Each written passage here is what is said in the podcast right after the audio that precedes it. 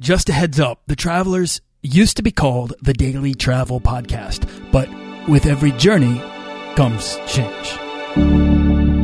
This podcast is produced by Holocene, a community of creative travelers. If you want to get serious about planning that next trip, writing that book, starting that creative project, or launching that business, we're breaking down the barriers between where you are where you want to be together at joinholocene.com. That's join, H O L O C E N E.com.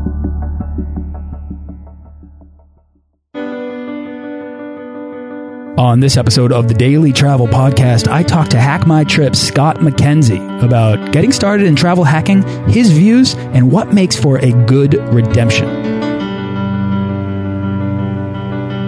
You want to travel further and more often to visit new places and meet new people and expand the role that travel plays in your life? I'm your guide, Nathaniel Boyle, an explorer that wants to help you get out, see the world, and find meaningful, life changing experiences. Everyone wants to be adventurous and have great stories. To do the stuff of legend. This is the Daily Travel Podcast. I just want to quickly say that right now, the Daily Travel Show is on the iTunes homepage, and this is because of you. So thank you. If you haven't already, please leave me a review, and while you're at it, drop a question or share a story in your review, and I'll be sure to share it on the show.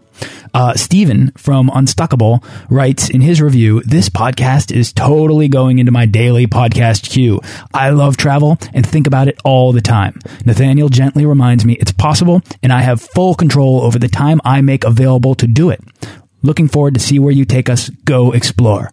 Thanks, Unstuckable. The guys over at unstuckable.co have a great podcast that delivers daily inspiration and habits from people who have themselves got themselves unstuck. I was interviewed about travel as a great way to get unstuck, and there's tons of good content over there, so be sure to check them out at unstuckable.co.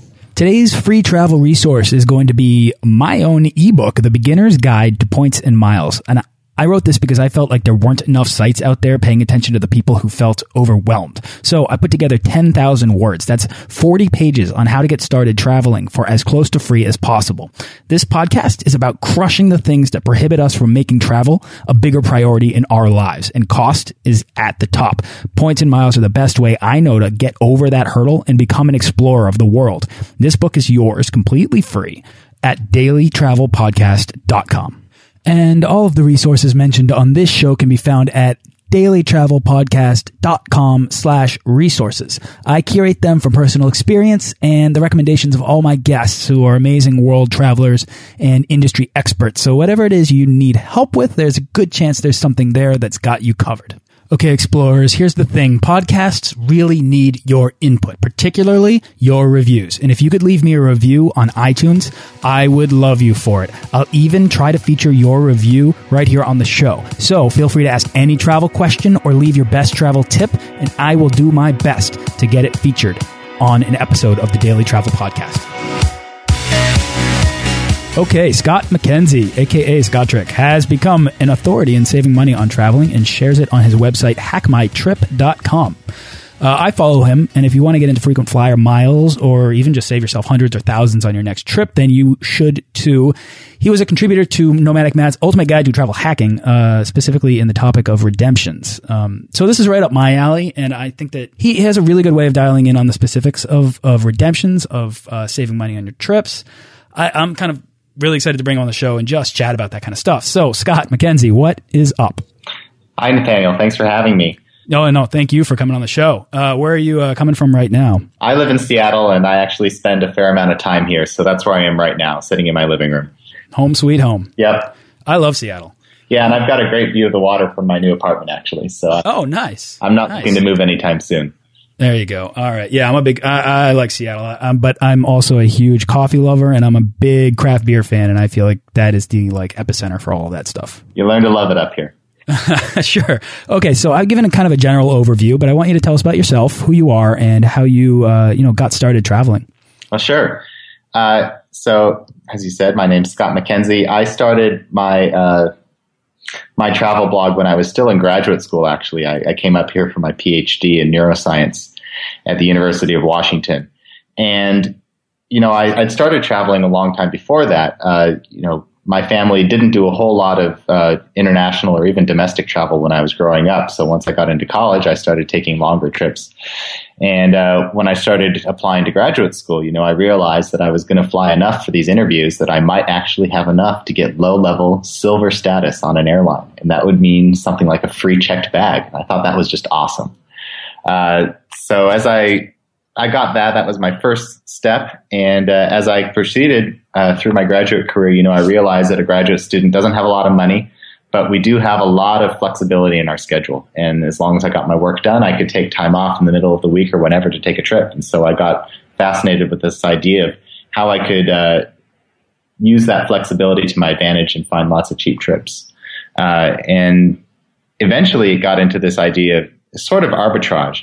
Um, as I was telling you before we started the show, you know, I do a lot of domestic travel primarily. I fly about 150,000 miles a year, but I would say two thirds of that is domestic and just visiting friends, visiting family, the occasional mileage run, which we can discuss later.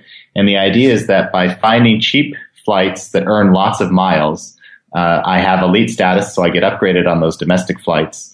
And then I use the miles that I earn to pay for international travel. And so then I'm flying business or first class, and so I can take my wife on fancy vacations. So you've got yourself a pretty good system here, and you started a website, hackmytrip.com, to kind of push that system to your audience. That's correct, yes.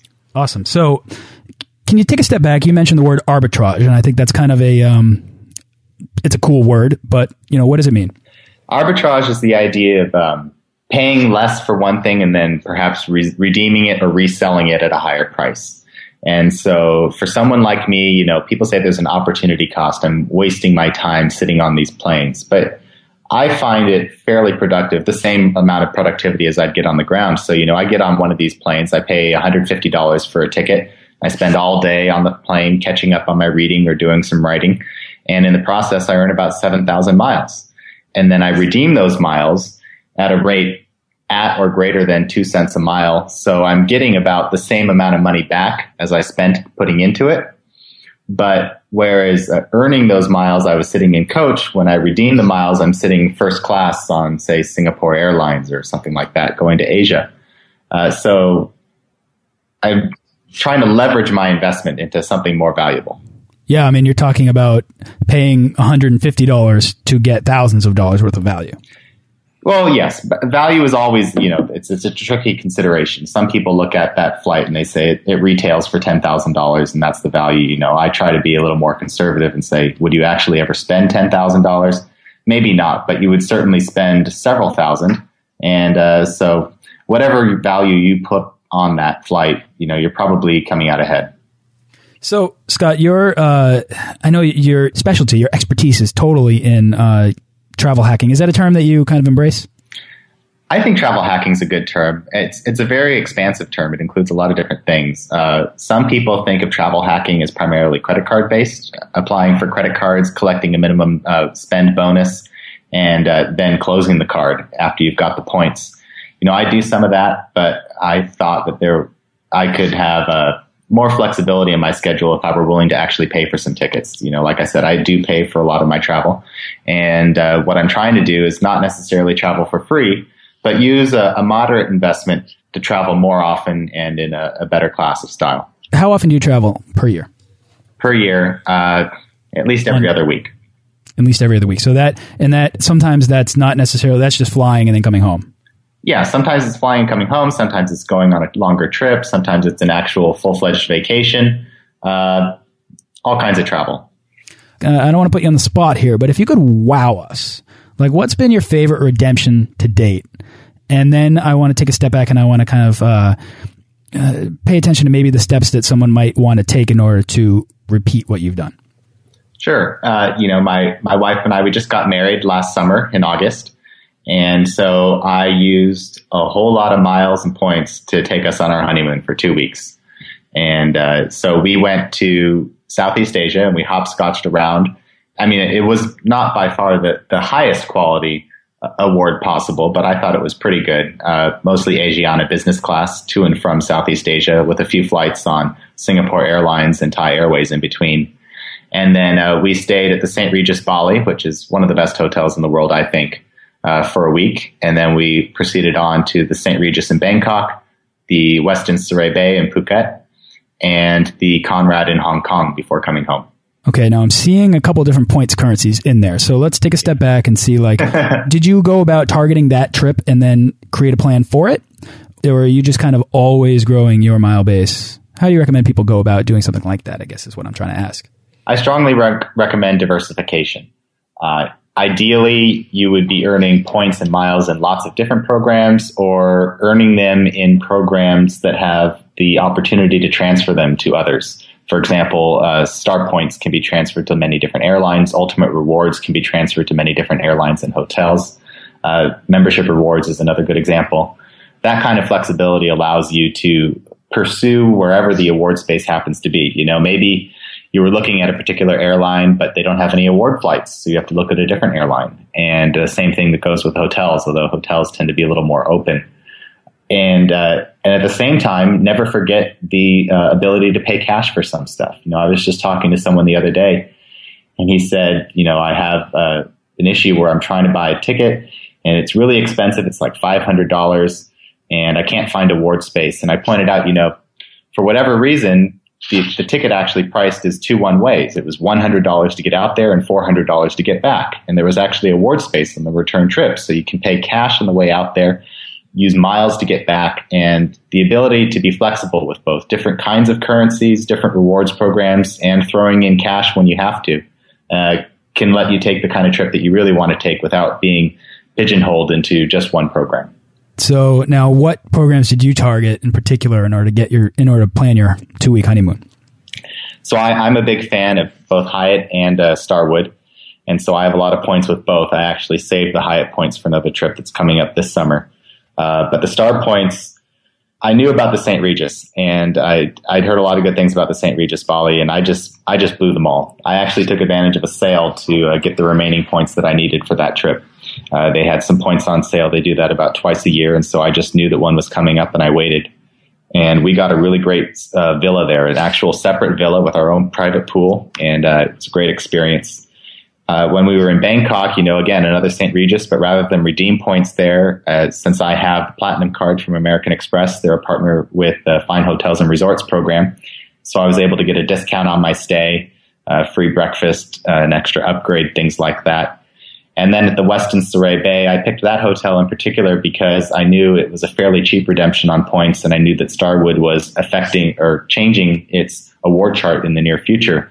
And so it was an opportunity to get in before they raised the rates about 20%. So, you know, those are three different Starwood hotels, and I stayed at all of them for three very different reasons. Yeah, totally. I mean, it sounds like you had an idea of what you wanted to do and how you were going to do it, but it was almost circumstantial how you went about it. I mean, maybe St. Regis Bali, that was kind of your impetus for planning this trip around that. Mm -hmm. But then the other ones, it's like, oh, a sale happened to happen. Uh, the you knew about the benefits of the platinum card, and it probably had a good sign up bonus at the time. Or uh, you know, you stay at the Westin because.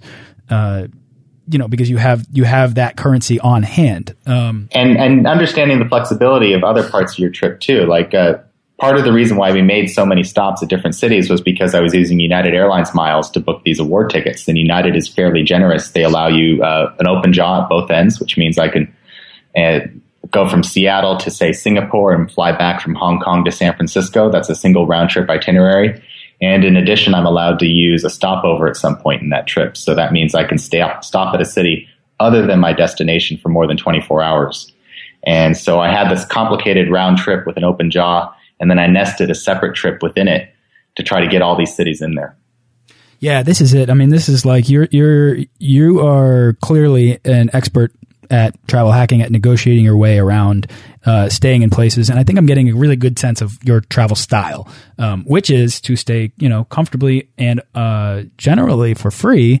Uh, at you know some really nice places, and you. It sounds like you spend a lot of time working to uh, be able to afford those on points. Yes, I mean it definitely helps. As I think I mentioned, I these large elaborate trips I tend to save for my wife. It's the the domestic trips, you know, I take what's available. So right, right on. I yeah, I mean, I, I try to you know kind of save points or allocate points that I have and you know use them for trips that I take with my wife as well. Whereas I'm a little bit more, if I take a solo trip, I'm a little bit more willing to stay in a hostel by myself. Um, so my, my question for you then is someone might be listening to this right now and is saying, Oh my God, how do I even begin to wrap my head around all of this? What's your advice for somebody that's just getting started here? Start out simple. Um, you know, I, I mentioned the, the point of diversification, but if you don't think that you have the ability to manage all of that, then just pick one airline or one hotel and focus on that. And once you get a handle of that, then maybe you add another. Uh, you know, I was a very big Hyatt guy for a while, but then I branched into Starwood and then I added Hilton points. Even though I don't stay at Hilton, I collect the points. And so it's kind of my Hilton points are this reserve for when there is no Starwood or Hyatt. Rather than say that you need to have all these different currencies available, you know, it's just like when you have international currency, you don't need that currency unless you're actually going to that country you don't need points with Hilton unless you're actually going to a Hilton because there's no Hyatt or Starwood nearby. You don't need American Airlines miles unless you're actually planning to fly with one of those partners. So I really try to begin each year thinking in advance to, you know, where am I likely to go? Which hotels airlines will help me get there? Uh, and then try to focus on those. But like I said, when a good opportunity comes along, and it's always good to have uh, some sort of backup in your in your right pocket. So you kind of step one for you is you determine where, and then step two is you determine how. Yes, you're going to get there. Keeping flexibility in mind. If that's if Regis Bali wouldn't have worked out, then you know there's a perfectly good Grand Hyatt down the street. Absolutely. Uh, yeah. I mean, I think that anybody that, that wants to get into this game, if, if you're going to get frustrated that there's nothing available exactly when you need it or exactly the way you want it, I think you're setting yourself up for easy disappointment sometimes. Yeah. And, you know, some people, they complain that they, I've, I've tried booking flights for my parents, for example, and they want the nonstop flight from San Francisco to Frankfurt. And I'm like, that's not going to happen. Uh, and, and other people complain because I booked Asiana business class from Seattle to Seoul.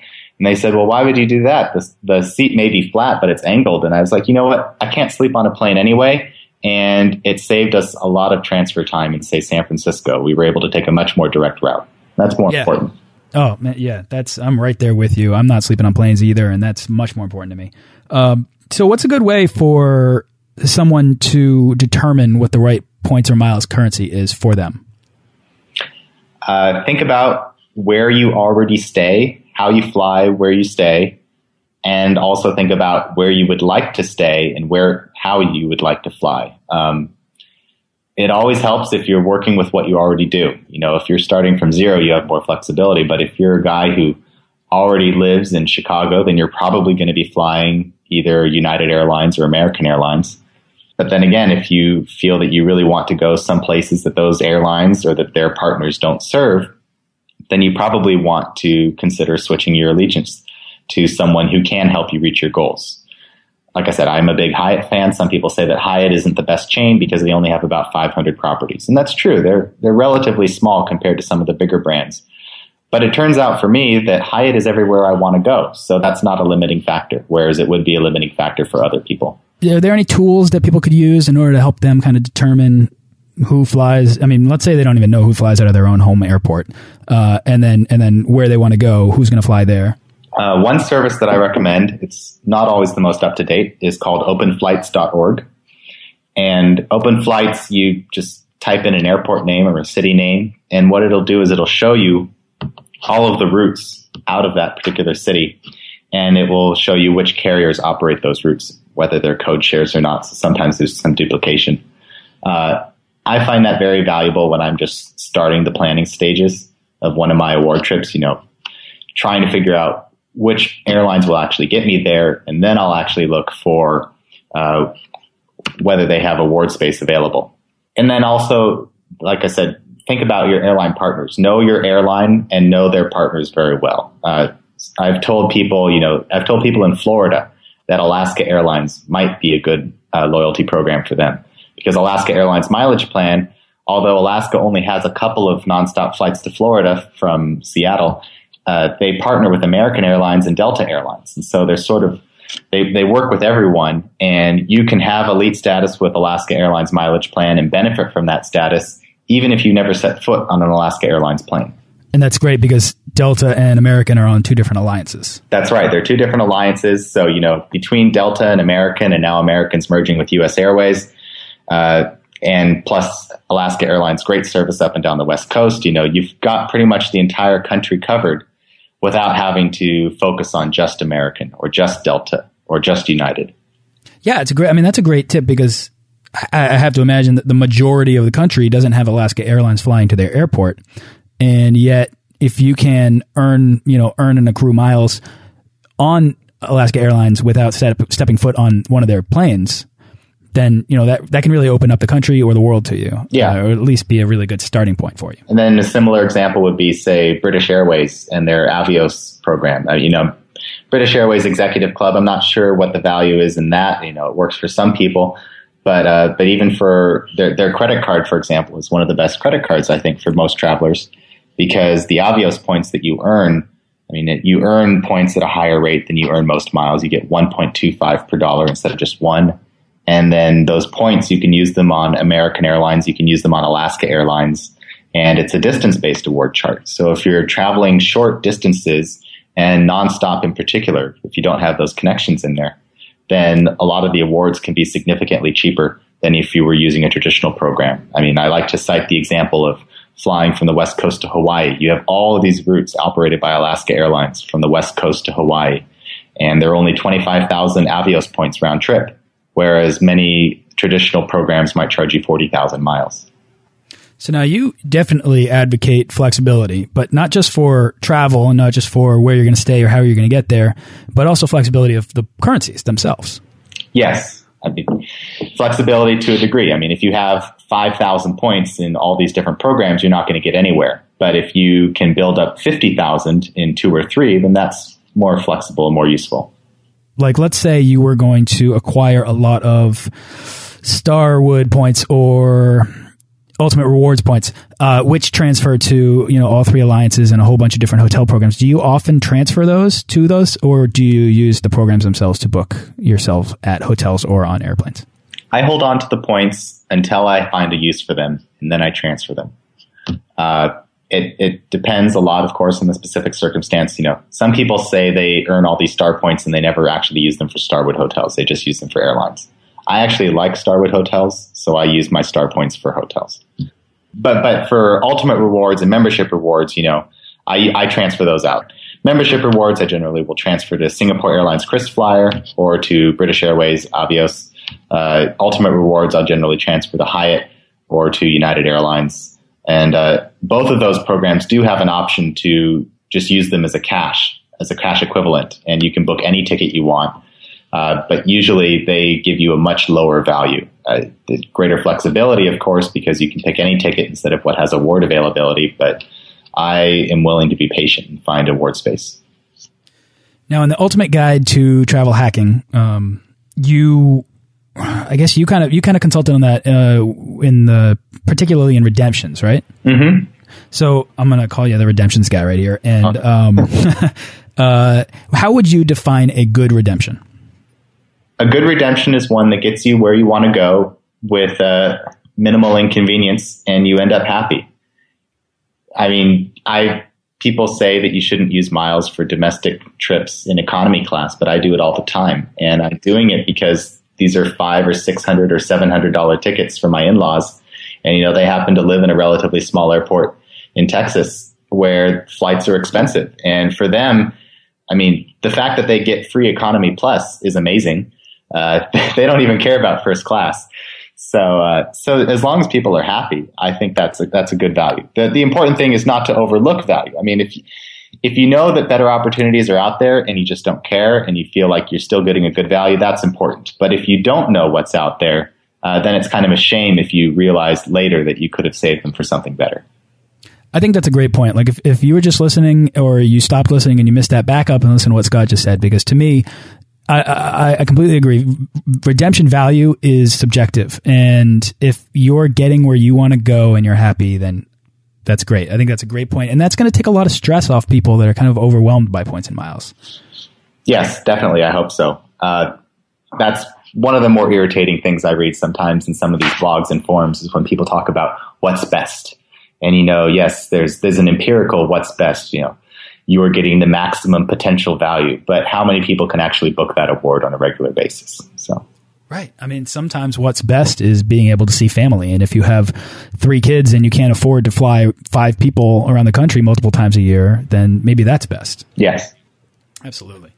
Uh, okay, Scott. So let's have some fun. This is where we're going to boil down the how and the why of travel into pragmatic advice. So we're going to, well, not entirely step away from travel hacking, but we're going to get into the more pragmatic nitty gritty here. So, okay. You ready? I'm going to hit you with a series of questions, and uh, I'm sure you're going to do great. All right. So, for a lot of people, you know, taking that first step out the door can be the hardest part of travel. So, what's your advice for anyone that's dreaming to take that first step to becoming a world traveler? Definitely, you know, have a plan. If you just start booking stuff at random, uh, you may overlook opportunities to save money. You may overlook opportunities to consolidate points and uh, obtain greater value, like I talked about with Alaska Airlines and how they have so many different partners. Uh, certainly look into opportunities to to leverage those first steps. Uh, a lot of hotel programs and and some airlines too. They have elite status matches or trials or challenges. Those all have slightly different definitions, but the idea is that they will give you elite status up front in exchange for a certain amount of business over the next couple of months, rather than trying to earn that status from scratch and get it awarded at the end of the year. And the value there is that if you have that status to begin with, then you might be getting 50% or 100% bonus miles during those first couple of months that you ordinarily wouldn't be getting. So it's kind of doubling the value of your rewards. I love it. Scott, you're obviously a very methodical person, and I love the continued focus on points and miles. Uh, that's totally why I had you on the show. So Thank you. Yeah, no, it's great. It's great. I love it. Great stuff. So, all right. So the biggest hurdle, and this is going to be an easy, this is in your wheelhouse. So the biggest hurdle for most people who want to travel more uh, is cost. So what's your, I mean, obviously frequent flyer miles or points are going to be your thing, but what's your, do you have a secret money saving tip or a travel hack that you would recommend as like the, the go to? Cut your expenses. That's a good tip. Uh, I've never subscribed to cable. I only got texting this year because they always wanted to charge me an extra five dollars a month, and I said no. Uh, so I don't know if that's going to work for everyone, but uh, you know, take a take a serious look at what's important to you in your life, and is it important that you uh, go out to a club with your friends every weekend? You know, that could be a hundred bucks, or that hundred bucks could be halfway towards a round trip ticket to Los Angeles or New York. Uh, so priorities are important. Um, beyond that, you know, having having some kind of forced savings. I'm a big proponent of taking automatic withdrawals from your checking account to your savings account. If it really becomes necessary, you know, I've gone so far as creating a separate account at a different bank. And that way I just don't even log into that account. I just know that money's getting automatically shunted over there. And so I don't see it. I'm not tempted to spend it, but I know it's there if I need it for a trip. That's it. So systematic. All right. There are so many flight search tools out there. What's your process for finding the cheapest airfare? Oh, that's that's a that's a toughie. You know, there's there's a two part process there. Okay. With a lot of experience, you'll get into the habit of telling you just you just know which airlines tend to be cheap, which days of travel tend to be cheap, you know, which destinations, which places to connect, that kind of stuff. Um, but you know, just starting as from a beginner, you know, I have I have some pretty detailed instructions on my website about how to use a tool called uh, the Matrix search engine by ITA Software. Yep, which and powers Google Flights, right? That's right. It powers Google Flights. It powers a lot of different services, actually. And so I'll mention one or two of those. Uh, I love it because even though you can't actually use it to book a ticket, it provides so much power in sort of narrowing down which specific airlines you're interested, which specific flights, uh, getting rid of regional jets, all kinds of things like that, that some of their partners include and some don't. Uh, but I also use it uh, to like their month long search features. So I'll tell it that I want to take a trip of two to three nights sometime in the next 30 days, beginning on March 9th. And it will provide that information to me. And it provides it in a very, uh, provides it in a variety of different formats. I like the time bar feature, which uh, is very graphical and it tells you, you know, are you starting late in the day or early in the day? And uh, how long will it take you to get there? Now, uh, as I said, you can't actually book a ticket on uh, using Matrix or what most people refer to it as ITA. Uh, so I also recommend Hipmunk. Hipmunk does a very good job of integrating uh, a lot of the display features of ITA as well as the advanced routing language, which is where ITA really becomes useful. Uh, you mentioned Google Flight Search. You know, I haven't followed them too closely. I know that they're still in the early days of rolling out international travel.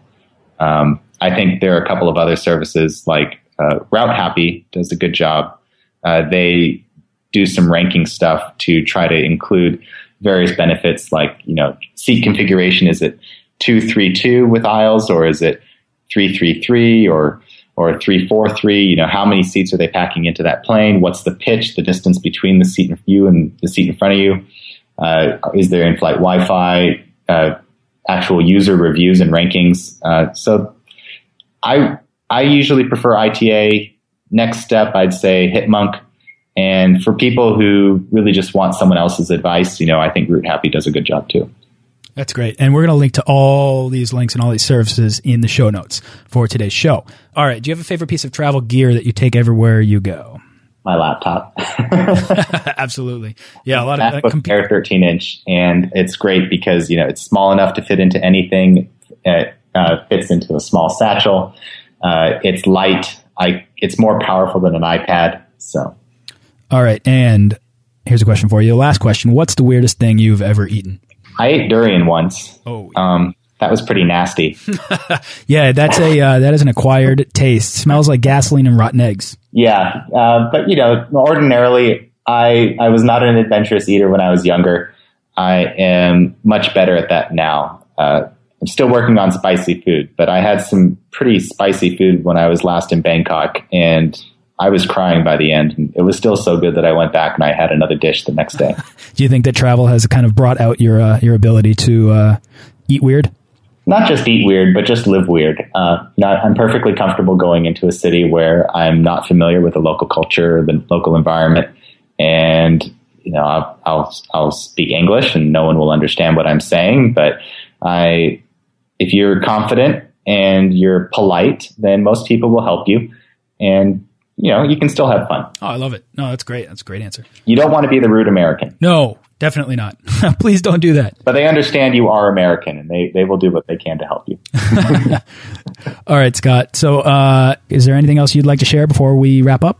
You know, I, like I said, you just, just, just be happy. Uh, don't stress out too much about travel because that's the whole goal of things like elite status and having frequent flyer miles is, and, you know, when you have elite status, the airline is supposed to be there to take care of you, to walk you through the lines, to put you in a first class seat. Same thing with hotels. They give you free internet. They give you a suite upgrade. It's about making you more comfortable. And if you start worrying too much about how to get elite status, how to get frequent flyer miles, how to redeem them, then you're adding back all that stress that you just tried to save. So, like like we talked about several times, you know, use your miles, use your points, make sure you're getting the rewards that you're entitled to. But when it comes time to redeeming them, try not to worry too much. You just want to have make sure that you're getting something out of it that you enjoy and that you that you value. Awesome. All right, Scott, what's next for you? Where, where's your next trip, or what's your next project? So I'm going out to Austin this weekend, and uh, we're having something called the Austin Do, and a whole bunch of us frequent flyers get together and we drink and we have barbecue. But uh, but the first big trip that I have coming up that sounds awesome. by the way, in, yeah, is is in July, and so I'm taking my in laws to to thank them for helping us out with our wedding. I'm taking my in laws to Hawaii for the first time. Oh, that's great. Have you been before? Yeah.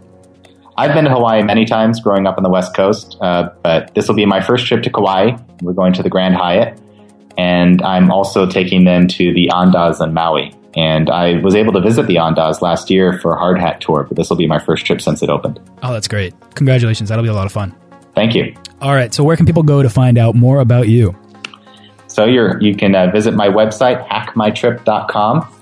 Uh, you can also go to milepoint.com. I've got a lot of comments on there in the past. I haven't been too active recently. I apologize for that.